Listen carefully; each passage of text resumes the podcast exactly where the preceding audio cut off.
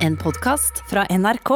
I nyhetsbildet har eh, det såkalte bondeopprøret vært ganske prominent de siste ukene, så det var, har lenge vært en god kandidat eh, som tema i debatten.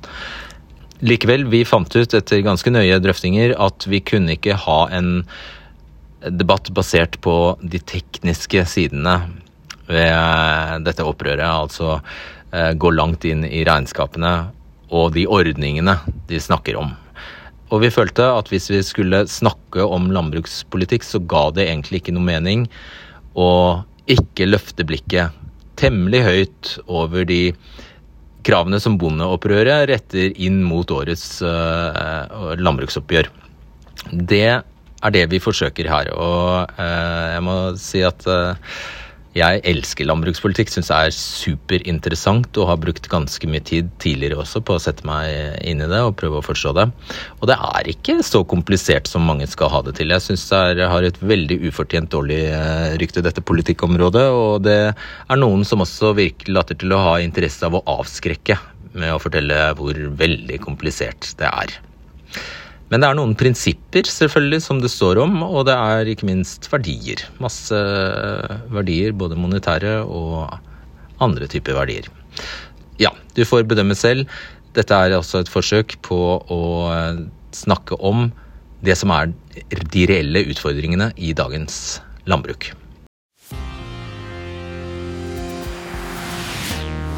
Hvis jeg sier landbrukspolitikk, ja da vet jeg at mange av dere får lyst til å gjøre noe annet enn å bli ved skjermen. Men hvis jeg sier at matpolitikk handler om alt som har skjedd med maten din før du putter den i munnen, og ikke minst om hvordan landet vårt skal se ut, da håper jeg du gir meg en sjanse. Velkommen til debatten. På plass her i studio er Bondelagets leder, han som har fått et opprør delvis rettet mot seg i det siste. Vi har KrF-representanten som er stand-in for landbruksministeren. Vi har bonden som sjokkerte oss alle med å si at han har 109 kroner i timelønn. Og ikke minst vi har agronom og forfatter Siri Helle. Dette er en sirkel, kall det gjerne en ond sirkel. I denne debatten spør vi om landbruket befinner seg i en sånn sirkel. Og vi har valgt å starte med overproduksjon av mat. Bøndene blir jo oppfordret til å lage for mye mat, og da synker prisene til bonden. Hun får stadig dårligere betalt for melka, kornet og dyrene. Og lavere priser fører til lavere inntekter og dårligere lønnsomhet for bøndene. Da kommer behovet for mer tilskudd. Ingen bonde vil jo egentlig leve på tilskudd framfor å få direkte betalt for varene. Men for å øke inntektene blir bøndene oppfordret til å bygge større fjøs, øke produksjonen. Og den raskeste veien dit er å bruke billig kraftfôr, gjerne soya fra Brasil. Men nå sier mange bønder at de har nådd taket.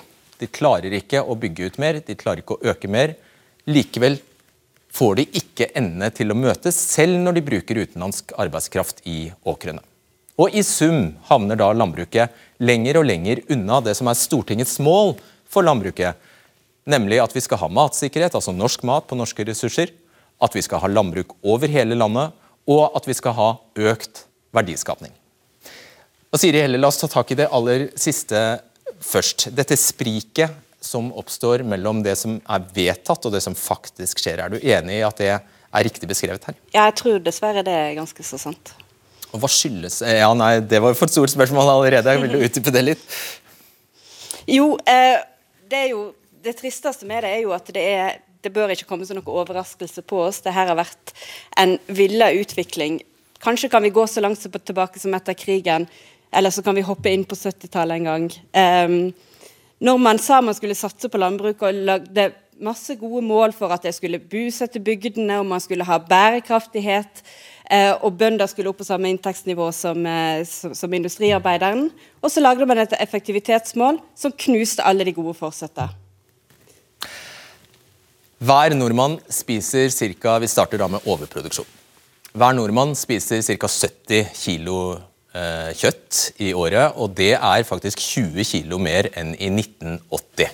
Det vi skal merke oss, er at vi spiser hovedsakelig mer fjørfe og mer svin enn i 1980. Dette skjer samtidig som hver og en av oss kaster 40 kilo mat hvert år. Bøndene produserer om lag 100 000 tonn mer svin, kylling og storfe og lam i dag enn for 20 år siden. Og så husker vi at norsk sau Dette skjer. Norsk sau ble sendt til Afghanistan. Norsk svin ble dumpa til 10 kroner kiloen i Ukraina. Vi vet at verpehønene våre er det ingen som vil spise, så de blir til fyll i betong og asfalt. Og i årevis har en tiendedel av norsk melk gått til å eksportere Jarlsberg billig til utlandet. Og igjen, Siri Helle. Eh, bøndene gjør jo det de blir bedt om, så hvorfor fører det til overproduksjon? Det er jo fordi vi har denne volumdrivende politikken. Eh, fordi bønder er veldig, de er veldig flinke til å gjøre som de blir bedt om, og de har blitt, blitt bedt om å være mer effektive. Og da har de effektivisert opp til 6% i året. Um, og de har um, Det har ført til, til en, en, en, produksjon og en, en, politikk som er styrt av volum. Det, det, det som bønder tjener på, er å tjene mest mulig. Og det har gjenført til samvirker eh, som tror at vi har stordriftsfordeler i landbruket i Norge. Eh, en vanlig misoppfatning, tror jeg. Um, og som, som gjør at, at det, de må ha mengder som kommer inn eh, jevnlig. Um, kylling og svin, som er jo det, den, det, er det vi spiser mer av i Norge, av kjøtt. Vi spiser mindre av rødtyggere som er flinke på å bruke det norske landskapet. Men kylling og svin um, er lette å uh, fordele produksjonen av utover hele året. Det er lette, lette volum å omsette, da for eh, et Og kyllinger kunne du kanskje ha fått til å leve på Mars? ikke sant? Du trenger ja, ikke de korkobber. Ja, det er veldig lite norsk norsk kylling. ok, Så etter overproduksjon så følger altså, som du sier, så følger at bonden får dårligere betalt. I ti år har f.eks. prisen bonden får for en liter melk stått nærmest stille. 5,50 Dette er feil uh, grafikk. 5,50 eh, cirka, for, fikk bonden for ti år siden for en liter melk. Eh, det er det samme som i dag. Pris ut i butikk har økt fra 14-15 kroner til 19 kroner i dag. Sånn her kan jeg fortsette. I 1985 fikk bonden betalt 30 kroner per kilo storfekjøtt. I butikken kostet den da 90 kroner. I 2010 fikk eh, bonden 33 kroner per kilo storfekjøtt, mens prisen i butikk var økt til 187 kroner. I 1979 fikk bonden inn til 100, per, 100 eh, kroner per kilo sau. I dag er kiloprisen 37 i 1965 fikk bonden 60 kroner per kilo for svin. I dag får hun 25 kroner for 1 kilo svin. Og det som vel er et slags eh, Man kan skimte et mønster til her, er eh, at eh, pris fra bonde til butikk kanskje tredobler seg. Mm. På mystisk vis. Nå er det sånn at Vi bruker 11,2% norske husholdninger på mat i året. Det er omtrent like mye som vi bruker på kultur- og fritidsaktiviteter. Et altfor stort spørsmål, men prøv likevel. Hvem er det som skaper denne utviklingen, som altså gjør at eh, bonden får stadig dårligere betalt? Ja, Det er jo det store spørsmålet. Er det forbrukeren som eh, bare handler på lavprisbutikker? Er det lavprisbutikkene som er alle butikkene vi har i nærheten av oss? Er det medier som selger oss matvarebørser? Eller er det politikere som ikke tør å ta tak i, uh, i denne utviklinga? Eller er det bondeorganisasjoner som ikke tør å øke målprisene i uh, jordbruksforhandlingene? Um, jeg tror iallfall det mangler en Hvis du ser på, på, Norge versus andre land som vi liker å sammenligne oss med, så mangler det en bevissthet om at landbruk koster. Vi er veldig opptatt av landbruk, og det har stor støtte i Norge. Uh, men vi har kanskje ikke helt den der, vi har ikke tatt steget til å skjønne at at det, har, det, kommer med en pris. Fordi um, nordmenn flest uh, vil kanskje mene at maten er dyr nok. Mm, og um, For noen så er den jo det, men det er jo det som, som, du sier, at det blir lagt på. Der er veldig mange mellomledd. Um, og hva som skjer i de mellomleddene, er veldig lite synlig. Det er jo blant de største, skumleste hemmelighetene som uh, vi har. og når prisen til bonden synker, ja naturlig nok, da faller også inntektene for bonden. Og nå er det sånn at inntektene bonden får for produktene, har falt så mye at han har høyere produksjonskostnader enn inntekter.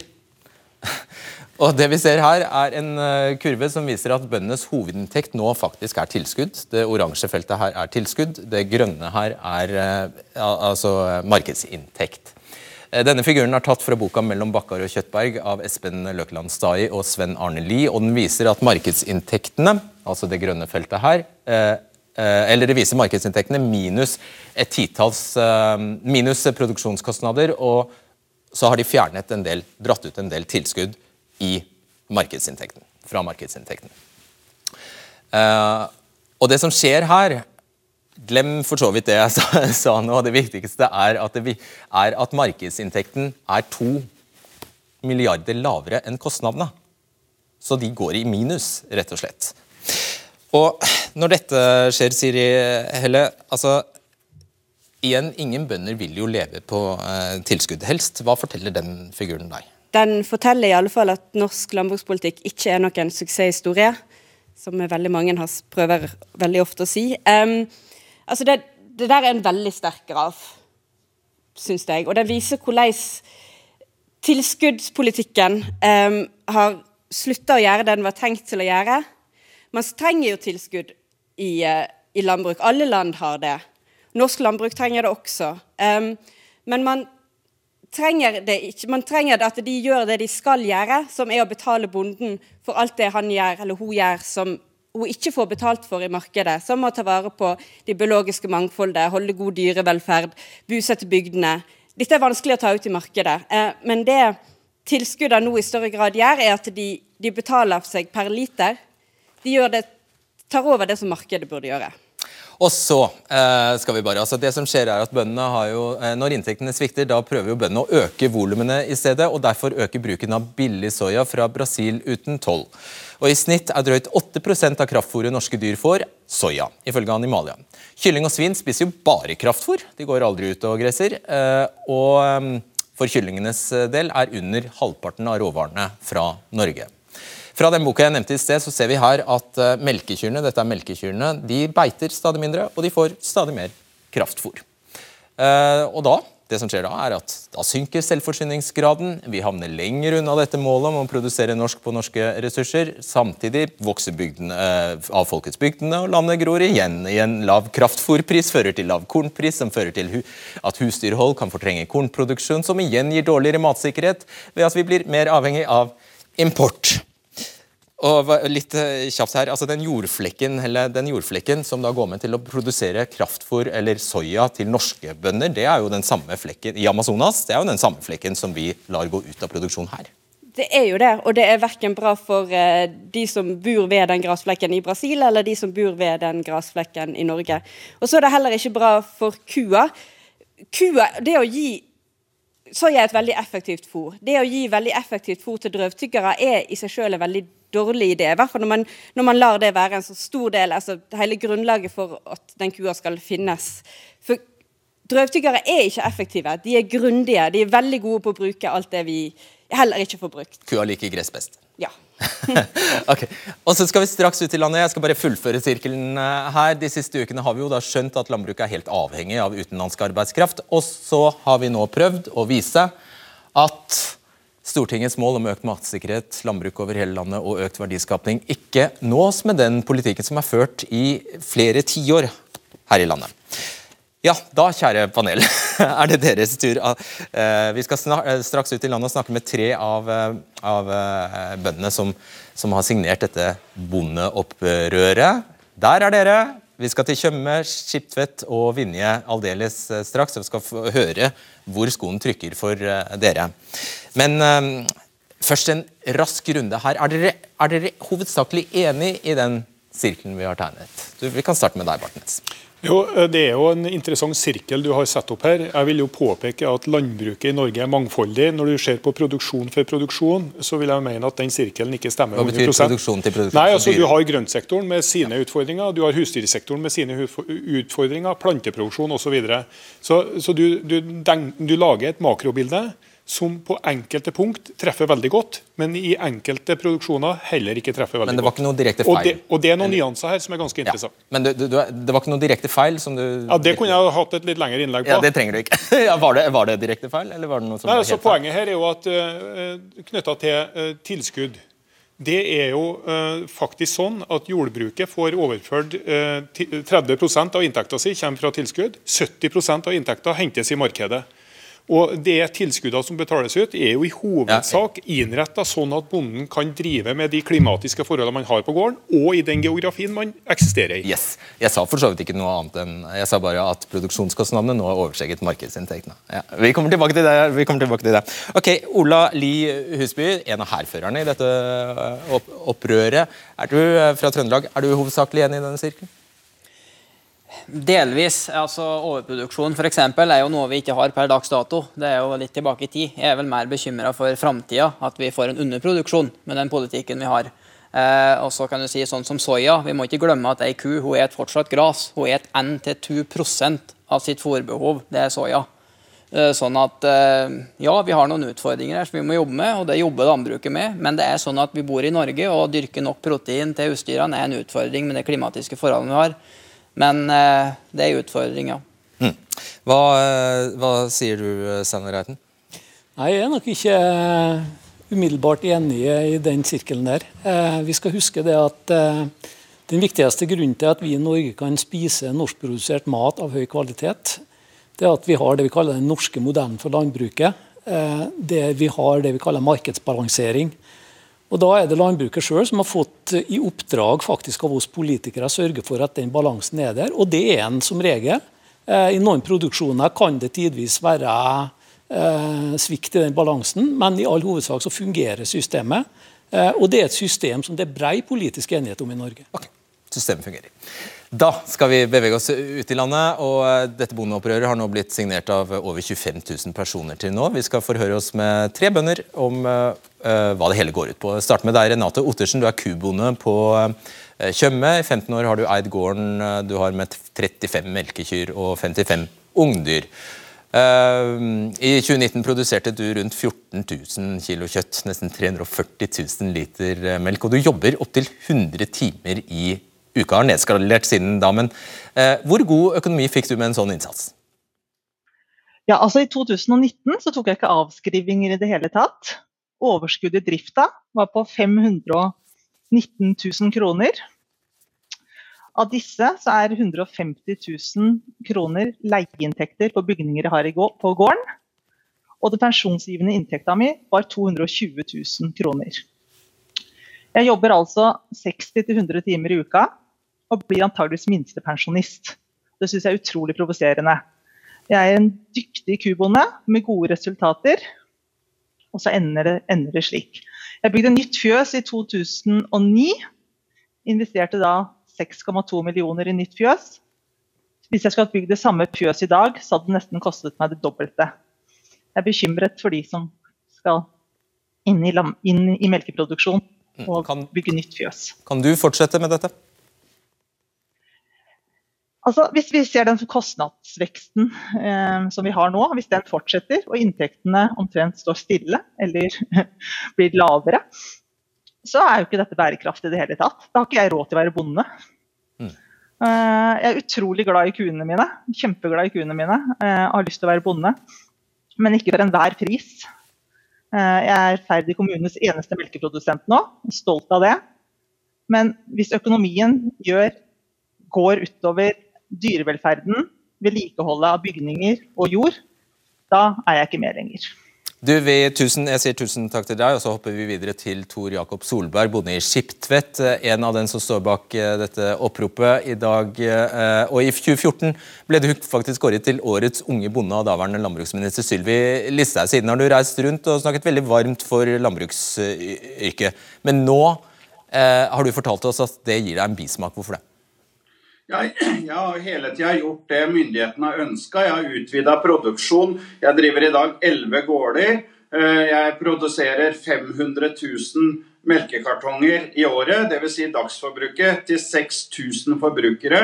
Eh, for det sitter jeg igjen med 125 kroner per time, hatt i gjennomsnitt siste ni år. Og det er klart det er en helt uholdbar situasjon.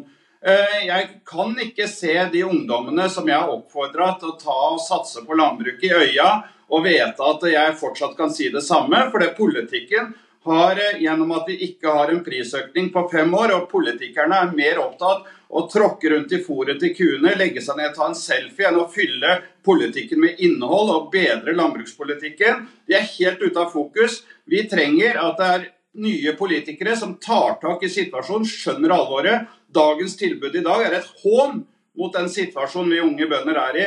Jeg har ikke ord uh, i forhold til mine foreldre. De kunne leve av 72 000 liter uh, og produsere det året. Jeg produserer 500 000 liter, og jeg tjener nesten ikke penger. Da, da, vil jeg bare spørre deg, jeg, jeg bare kniper deg, eh, kniper deg for la oss, la oss forstå uh, hvor lite penger du faktisk tjener, og så må vi avrunde det. Jeg sitter igjen med 125 kroner for hver time jeg jobber. Jeg jobber mange timer i døgnet, og den innsatsen vi legger ned, står ikke stille. Jeg kommer også til å bli minstepensjonist, og det skremmer meg. Og jeg angrer nesten i dag på at jeg valgte å bli bonde. Tor Jakob Solberg, tusen takk. Vi hopper videre til Åsmund Nordstoga, bonde i Vinje. Du har 17 kyr på et småbruk. Sier at uh, det er et av de minste fjøsene i landet med melkerobot. Uh, ja, du er en av de som skulle ønske det var mulig å drive gårdsbruk uten soya. Hvorfor det? Ja, Nå eter kyrne først og fremst gras, eh, men eh, i kraftfôret mitt så er det eh, havre, norsk havre, raps fra Finland og Sverige, og så er det 3,6% soya. Og det har nå vært snålt å sluppig, men det trengs for proteinens del. Og for at kyrne skal produsere den kvaliteten de gjør. Men det er ikke, det gir en kraftig bismak, eh, den mjølka. Det at jeg vet at jeg bruker areal i Brasil da, for, eh, for, for, at de 17 kyrne skulle produsere mest mulig. Og det må de for at jeg skal kunne greie å betale det nye fjoset som jeg satte opp for to år siden. Nettopp. Og I motsetning til de to andre her, så har ikke du ambisjoner om å leve av eh, gårdsdriften. Eh, kunne du, ha, kunne du ha gått bort fra kraftfôr fullt og helt? Nei, Nei så på soya, mener jeg. Ja, jeg, jeg prøvde meg på det i fjor. og eh, Da ble det for det første dårlig kvalitet på mjølka. Og for det andre så gikk produksjonen ned, så det var en dårlig idé. Ok, Da sier jeg tusen takk eh, til dere. Ola Li Husby, eh, hva er hovedproblemet i dag, og hva er det han ikke har gjort som Eller hva, hva er det han har gjort seg skyldig i? Det faglagene, nå kan du si vi bøndene generelt har gjort, er at vi har sti med lua i hånda. Vi har akseptert denne situasjonen og utviklinga ved å skrive under dårlige jordbruksavtaler. Eh, vi burde ha satt ned foten mye tidligere. For 10-15 år siden burde vi stoppa opp og sagt nå har vi faktisk et tallgrunnlag som ikke stemmer. De offisielle inntektene som blir vist i landbruket, de henger ikke sammen med det vi ser i regnskapet vårt. Altså Vi tjener mindre enn inntekter som ligger offentlig. ikke sant? Så da har vi en feil virkelighetsforståelse og vi har en feil inngang til forhandlinger med staten. Altså, Du kan ikke starte 150 meter bak målstreken når du skal løpe 400 meter. Da taper du fra start. Så vi burde ha tatt tak i det for lenge siden. Men nå er det på tide, og nå har vi sagt ifra. Nok er nok. Nå må faglagene, vi alle sammen, få til det her. Faglagene det er Norges Bondelag og Norsk eh, Bonde- og Småbrukarlag. Og du skal bare fullføre det. Hva er, det, hva er det, gjennom flere mange, kanskje tiår, hva er det Bondelaget pre, presist har gått med på? da? Det som Bondelaget har vært redd for, det har vært for, for å utfordre såkalte forhandlingsinstituttet. Altså Prinsippene i hver jordbruksavtale det bygger på en avtale fra 1992 som snart er 30 år gammel. Og På den eh, tida så har jordbruket gått sånn teknologisk utvikling, og vi har bytta manuell arbeidskraft med kapital. Og så har vi glemt de, at de prinsippene nå ikke stemmer med den situasjonen vi er i nå. Det burde vi tatt tak i mye tidligere. Ja. Eh, hvordan er det å få et sånt opprør midtskips? Nei, Det er jo eh, som forventa. Eh, vi har hatt stort trøkk i medlemsorganisasjonen eh, helt siden i fjor høst. Eh, og den prosessen som vi har hatt fram til jordbruksoppgjøret i år, den har vært full engasjement og tydelige beskjeder i organisasjonen Norges Bondelag. Og så har bondeopprøret kommet og kasta et tydelig og alvorlig lys over situasjonen. Og disse regnestykkene virker overbevisende på deg? Du tror på dem når du sier de tjener 109 kroner, 125 kroner timen? Ja, det finnes gode eksempler på det lave inntektsnivået eh, i det mangfoldige jordbruket vi har. Eh, og så tror jeg det at det, det Ola peker på her, eh, fundamentet for jordbruksoppgjøret, budsjettnemndas grunnlagsmateriale, det mener jeg jo er eh, grunnlag for å diskutere. Men det er også viktig å ha tillit til det, og sørge for at det er tillit til det. Og Her eh, må jo eh, flere parter ta, ta ansvar for, for, det. Bønder i Norge produserer ulikt, har ulikt inntektsgrunnlag. og Det er ikke sikkert at alle kommer til å kjenne seg igjen i det grunnlagsmaterialet i framtida heller, om man gjør endringer på det. Men den kapitaliseringa som har foregått i land, landbruket, den er nok interessant å ta en runde på. Altså det at de har tatt, masse, tatt opp masse gjeld for å bygge større. Ja. Ok, Hvordan tolker du dette opprøret? Jeg tolker det som at eh, eh, Altså Bøndene er ikke i takt med seg sjøl. Eh, og det har en mange som har skjønt veldig lenge, og så nå renner det over for en del av de. Um, og Det handler jo om mer enn bare kroner og øre i et regnestykke. Det handler jo om, som, som bøndene her uttalte, om, om, hva de møter i hverdagen, og hva de blir, de blir pressa til å gjøre. Da, at, eh, som, det, ta en ting som hvor mye protein ei ku trenger for å produsere melk. Det handler jo om hvor mye melk hun skal produsere. Skal hun produsere 10 000 liter, så krever de siste melkeliterne veldig mye mer protein enn de første. Så hadde vi gått ned lite grann der det, i, i Så kyrne melka dårligere før? De hadde lagde mindre melk? Nei, de, kre, de, krever mer av fôret for å produsere de siste, for å yte mer. Altså I Sveits og Østerrike produserer de 5000-6000 liter per ku eh, med eh, så å si ingenting kraftfôr. Det kunne vi fått til i Norge òg, men da måtte vi gått hatt det målet, i stedet for at målet er å gå ifra de 8000 literne vi har nå, opp til 10 ned til seks. Nettopp. Uh, selv om vi garanterte Landbruksdepartementet at dette skulle ikke være en sending om det forestående eller det foregående uh, landbruksoppgjøret, så uh, fikk vi bestandt nei fra statsråd Olaug Bollestad. De skriver at de kan ikke engasjere seg i uh, en debatt her fordi jordbruksoppgjøret gjør det umulig. Det er litt rart at han står her, da, kanskje? Ja, altså, Jeg må svare på samme måte som eh, statsråden. er at Når vi nå er i den fasen der partene er i forhandlinger, så kan ikke vi kommentere det. Bare høres ut som en unnskyldning? Nemlig. Nei, det var det ikke. Okay. Det, uh, du, uh, hvorfor volum, volum, volum? Og hvilke til... Hvorfor? La meg først få si at De historiene som vi hørte nå, de gjør inntrykk. og Det kommer fra hjertet når jeg sier at jeg har veldig stor respekt for norske bønder og den innsatsen som de gjør. Jeg bor sjøl i ei bygd oppe på Nordvestlandet med aktive storforbønder som nå er i ferd med å spre møkk rundt huset mitt på alle kanter. Og Det setter jeg stor pris på, for den lukta forteller at vi vi har fortsatt en næring som sørger for at det er sysselsetting og bosetting i Norge. Eh, når, er, når, du spør om det her med volum, så har jeg lyst til å understreke at for oss i KrF og for regjeringa så har det hele veien vært en målsetting at vi skal ha med oss alle brukere i den norske landbruksstrukturen. De små brukene, de mellomstore brukene og de store brukene. Og vi har ført en landbrukspolitikk, og det har vært oppgjør der nettopp de små og mellomstore melkebrukene for eksempel, har hatt en god uttelling ved det siste oppgjøret. Så rart at det fører til et opprør, da? Hvis det er så vellykket som du sier?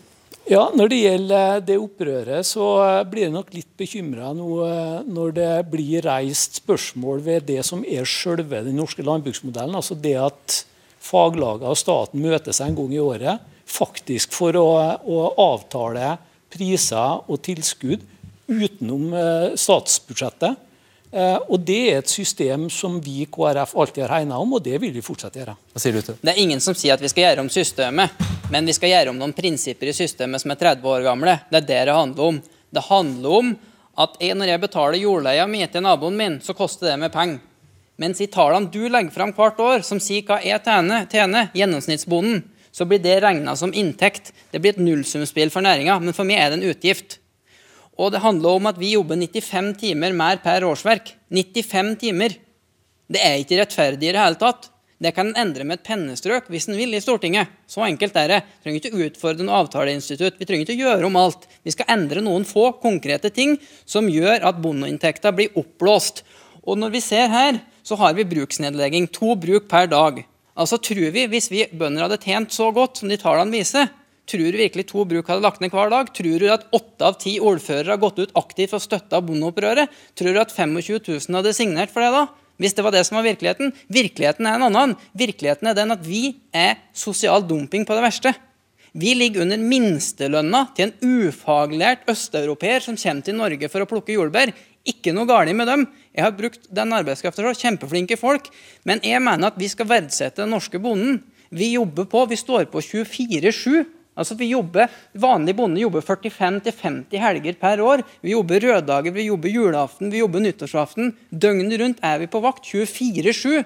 Nå er det på tide at vi står opp for oss sjøl mm. og krever at vi får betalt for de varene vi produserer. For kostnadene i Norge har eksplodert. Samfunnsutviklinga har gått den veien at Alle har høyere kjøpekraft. Det er bonden som står igjen på perrongen. Vi har omtrent ikke råd til noen ting.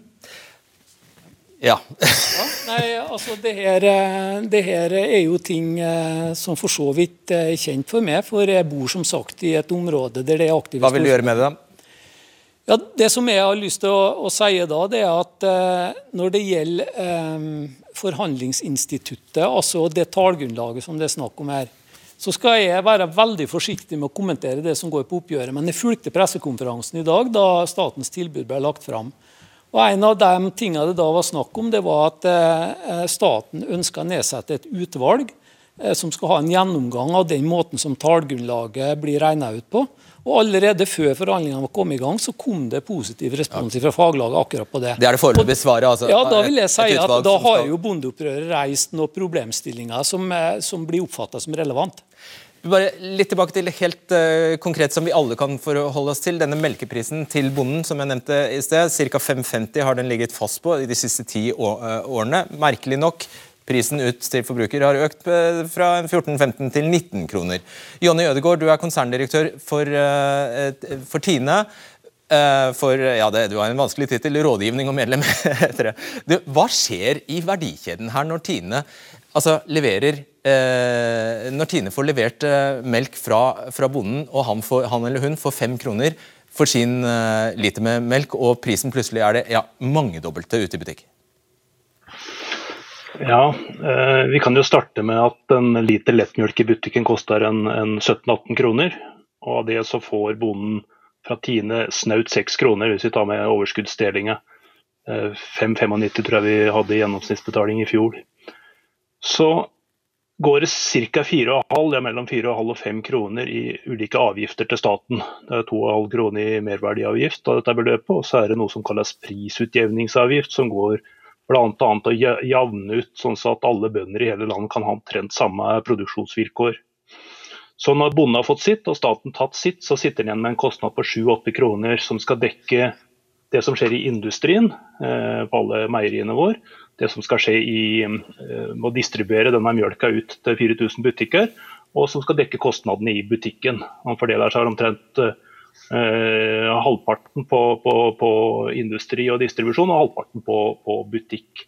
Så kan det høres ut til å være høye kostnader, men da skal man tenke på at den landbrukspolitikken vi har, den stiller også krav til den næringsmiddelindustrien vi har. Norge er jo altså Mjølkeproduksjon handler jo om å, å foredle grasressurser til menneskemat. Det er en definitivt mest bærekraftige måten å omdanne ja. gras til noe mennesker kan spise. Eh, og Gresset er spredd i hele landet, og det betyr at vi må ha meierier i hele landet. og Det er nok med å gjøre at kostnadene i den norske verdikjeden er høyere enn mm. det ville vært i et mer sentralisert produksjon. Takk for oppklaringen. Takk for svaret, Ødegaard. Vi freser videre til Trine Hasvang Våg, du er styreleder i Nortura. Eh, egentlig mer eller mindre samme spørsmål til deg. Hva skjer i verdikjeden hos Nortura etter at eh, eh ja, etter at prisen på ja, si en kilo karbonadedeig eller entrecôte er satt til bonden? Eh, vi henter jo, altså, vi henter jo hele dyret eh, hos bonden, eh, og vi betaler jo for hele dyret. Eh, når vi har henta dyret, så kjører vi det til slakteriet, avliver det, og så går eh, kjøttet til ulike foredlingsprosesser. Og vår jobb det blir å selge hele dyret. Så når du kjøper et kilo med, med indrefilet f.eks. i butikken, eh, så er vi nødt til å selge 75 pakker kjøttdeig, 28 pakker med karbonadedeig og 25 pakker med karbonader for å skal ha solgt hele dyret. Så det er litt av den prosessen som foregår hos oss. Og Er det da naturlig at en pakke karbonadedeig skal koste 70 kroner? Kanskje mer? Det er jo ulike priser på de ulike produktene, selvfølgelig. Og så er det sånn at dess mer de prosesseres, altså dess mer vi må jobbe med det før det er et produkt som du kan kjøpe i butikken, dess større kostnad blir det med i det. Ok, Jeg tror vi nøyer oss med det svaret. Tusen takk skal du ha også. Bartnes, hva er det, hvem er elefanten i rommet her? Hvem er det vi ikke har invitert, og hvem er det som ikke er til stede? Ja, nei, Det kan du spørre om. Du har i hvert fall representanter fra bondenæringa her. Du har møtt industrien, eh, og vi har et sluttledd i norsk, eh, det norske matmarkedet eh, som opererer på butikksida. Eh, og Vi som råvareprodusenter vi merker jo hele tida det eh, presset som ligger på lavere eh, priser i markedet. Og det er Forbrukerne i Norge er gode forbrukere av norske landbruksprodukter. Vi opplever at interessen rundt norske landbruksprodukter er stigende. Men det er først og fremst konkurransen mellom tre lavprisbutikker som setter standarden på hvilke marginer som vi som bønder kan sitte igjen med. Hva mener du de da skulle ha gjort? Skulle de ha, eh, skulle de ha turt for eksempel, ha sagt ja, nå var det dessverre tomt for den varen der. Vi kan ikke vi passe oss så vi ikke overproduserer, og du får bare kunne for, tåle at de ikke, at ikke får den varen på noen uker. Og dessuten, man bør kunne betale bitte litt mer for maten. Man er det resepten, liksom? Man bør absolutt kunne betale bitte litt mer grann mer for maten. De 11,2 vi bruker nå, er jo historisk lavt. Men da må vi vite at det vi betaler for, er det vi får. Altså vil vi vi vil betale for norsk, norsk, jordbruk i Norge, og da må vi um, få det. Men jeg tror det viktigste vi kan gjøre, er å innse at nå har vi prøvd denne volummodellen i 50 år. Det har ikke gått så bra. Kanskje skal vi hoppe av og prøve noe annet. Kanskje skal vi prøve å få mer av det mangfoldet som finnes i norsk jordbruk, helt ut til forbrukeren. Um, I mange land så har de grasmølk, og de har høymjølk, og de har fjellmelk. Uh, I Norge har vi melk. Uh, her finnes det masse potensial til å utnytte den ressursen vi har, uh, mye bedre enn vi gjør i dag. Hvis vi innser at vi har flere smådriftsfordeler enn stordriftsfordeler, og heller stordriftsulemper. Hvis vi, hvis vi løfter litt, blikket litt fra enkelte, det enkelte regnskap for den enkelte bonde og ser, ser litt større på det, på det er, er løsning Og jeg regner med du er helt enig i at det hadde vært foretrekk for bøndene at at de fikk mer pris i markedet foran tilskudd. Hvordan oppnå det? Det er jo sånn, Den norske landbrukspolitikken fungerer sånn at du bruker tilskudd for å sørge for at vi har en produksjon over hele landet, så at de små brukene overlever. Så skal prisen være å stimulere de brukene som har forutsetninger for å kunne leve mer av volum. Men det skjer ikke i dag. Eh, I prinsippet kunne jeg levd godt med altså en melkeliterpris på fem kroner hvis jeg har levd i Tyskland eller Polen, men jeg lever i Norge. Og her har vi en vanvittig kostnadsutvikling. Bare i år så er kostnadene på å bygge et nytt fjøs til å gå opp med 15-25% på ett år.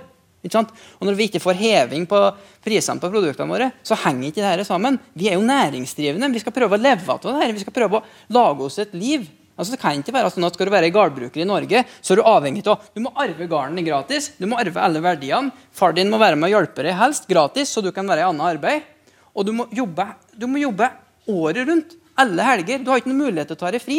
Altså, et, det samsvarer ikke, de prisene vi får på produktene, med de kostnadene vi har. Det henger ikke på greip i det hele tatt. Altså, Det er helt vanvidd.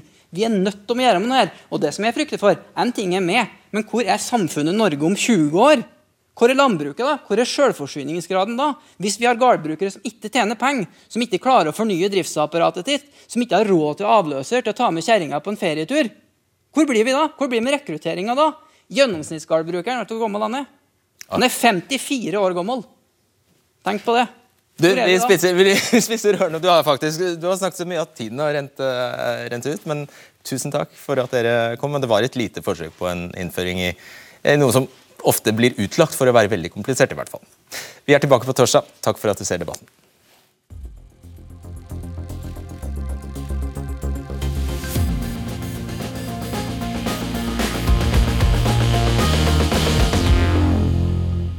Denne gangen, som så mange andre ganger, skulle jeg i hvert fall gjerne ønske at vi hadde litt mer tid. Eh, men jeg syns vi rakk innom ganske mye, og det er klart at eh, den biten vi overhodet ikke fikk håndtert, som jeg vet er veldig sentralt, og som kan man si lusker i buskene, det er import. Det er trusselen om import. Det fikk vi ikke behandlet, så det får vente til en annen gang. Ellers så håper jeg at alle egentlig, det må jo være formålet med alt vi gjør, ble litt Eh, klokere, og at det var en del eh, fakta og opplysninger her som kanskje var nye, og kanskje også ga mening i, satt inn i denne sammenhengen. Ok, bla, bla, bla. Nå skal jeg gi meg. Takk for at du hører eh, debatten på podkast. Vi høres. Du har hørt en podkast fra NRK. Hør flere podkaster og din NRK-kanal i appen NRK Radio.